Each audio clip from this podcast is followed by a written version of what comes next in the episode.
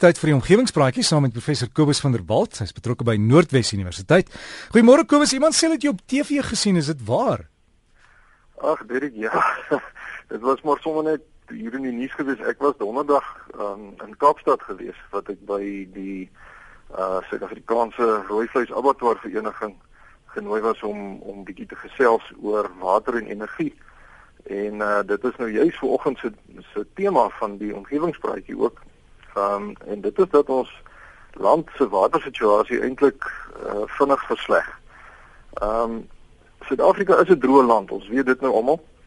En ons is nou besig om ons waterbronne eintlik onder 'n toenemende druk te plaas en die konsensus tot 'n rukkie gelede was dat ons tyd tot so 2023 2025 met ander woorde nog so 10 jaar voor ons nou regtig in 'n penarie gaan ingaan. Maar uh die jongste uh beramings en dit begin nou van ons land se voorste ekonome ook insluit.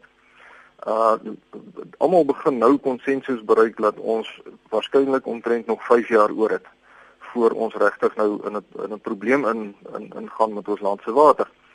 Um en in die verband het ek briewe ontvang van Jean Senogos en ook die bekende professor Raymond Parsons wat hier by die Pikse Sakeskool werk.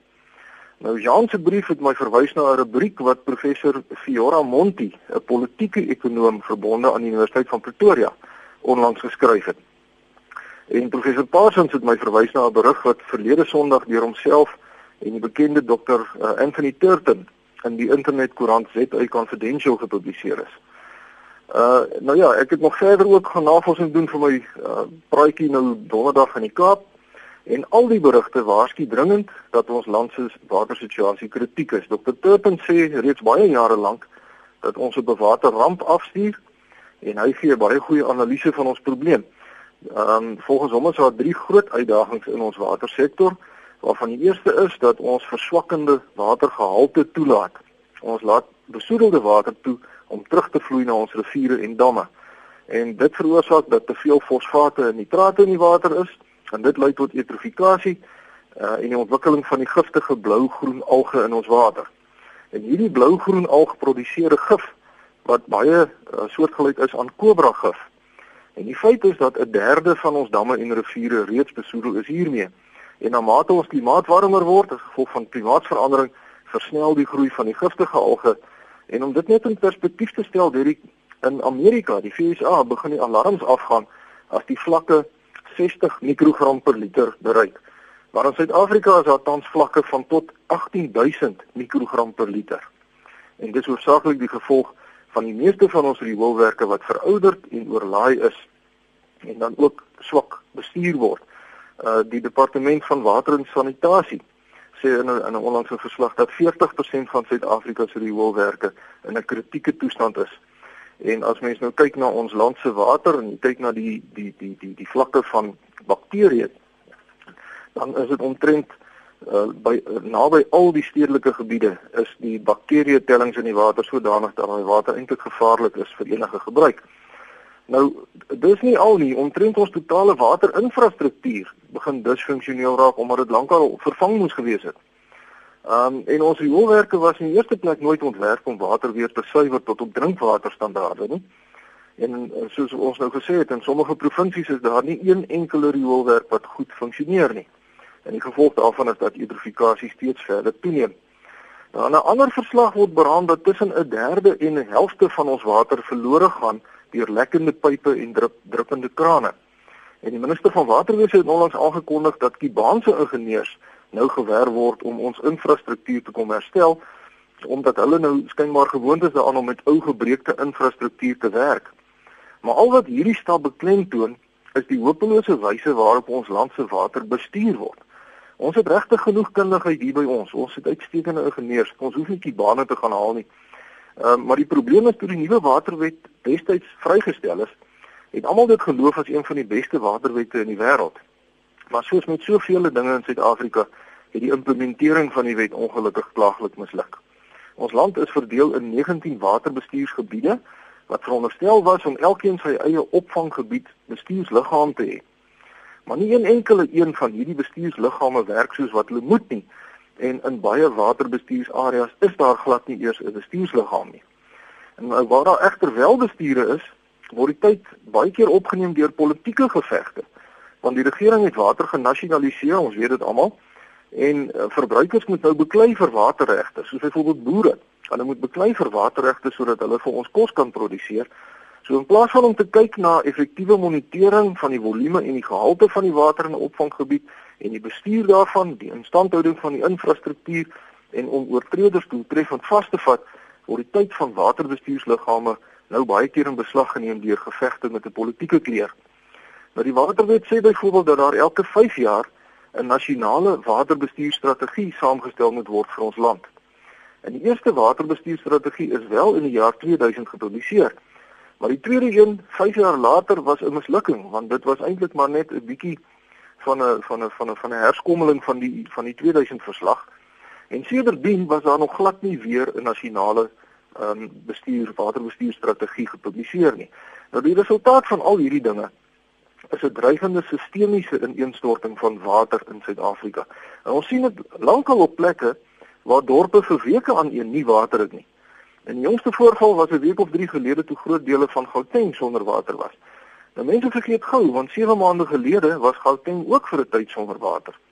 Nou as mens hierdie wisselvallige watersituasie in die konteks nog van klimaatsverandering ook beskou, dan skyn die rooi ligte nog helderder. Dit lyk asof ons droë dele van die land 'n klein bietjie natter word, maar die natter dele van ons land is besig om droër te word. Ehm um, en en en die situasie lyk regtig nie goed nie. Die nuutste internasionale klimaatsdata voorspel dat ons vir die volgende 10 jaar of wat droogte toestande in Suidelike Afrika kan verwag. En stygende temperature gaan al die probleme wat daar is net nog verder vererger. Professor Fiora Monti van Tikkies verwys verder na die suur mynwaterprobleem wat veral in Mpumalanga en Gauteng al hoe groter word vanweë mynbouaktiwiteite. Professor Parsons sê die verskil tussen water en ander hulpbronne is dat daar geen plaasvervanger vir water is nie. As die krag afgaan, kan mens nog op 'n manier regkom met songeisers en gasstofies, maar as die krane leeg is, dan het jy 'n probleem. En soos ek nou nog gesê, die breë konsensus van al die waterkundiges is dat Suid-Afrika tyd het tot omtrent 2020, dis oor 4 en 'n half jaar, voordat ons grootskaalse beurtwater te wagte kan wees. In ander woorde, ehm uh, die tyd is besig om vinnig uit te loop. Nou die punt is daar is gewoon nie meer water nie. Ons gebruik reeds 98% van ons water in Suid-Afrika. 98% van die water is reeds toegedien of toegeken dan in lisensies en so aan en ons water word nie meer nie. En nou die bietjie wat ons het word nog bemors en vermors ook. En ons kan dit gewoon nie uh, bekostig nie. Nou na raming sê die ekonome vir ons het ons dringend omtrent 300 miljard rand nodig om ons infrastruktuur reg te maak. Um, maar my mening is dat as ons nie eers die wanfunksionele waterbestuursliggame in orde kry nie, gaan hierdie 300 miljard rand waarskynlik letterlik en figuurlik in die water gegooi word. Die oorens rus dus regtig hier in die eerste plek op die ministerie van waterwese om bitter dringend hulle werk te begin doen deur effektiewe waterbestuursliggame in elke waterbestuursgebied in Suid-Afrika te vestig en te sorg dat hierdie liggame hulle werk ordentlik doen. Maar dis nie net die regering wat sy sokkies sal moet optrek nie, maar elkeen van ons ook. Die tyd is regtig verby dat ons elke dag ons grasperke met munisipale water kan besproei.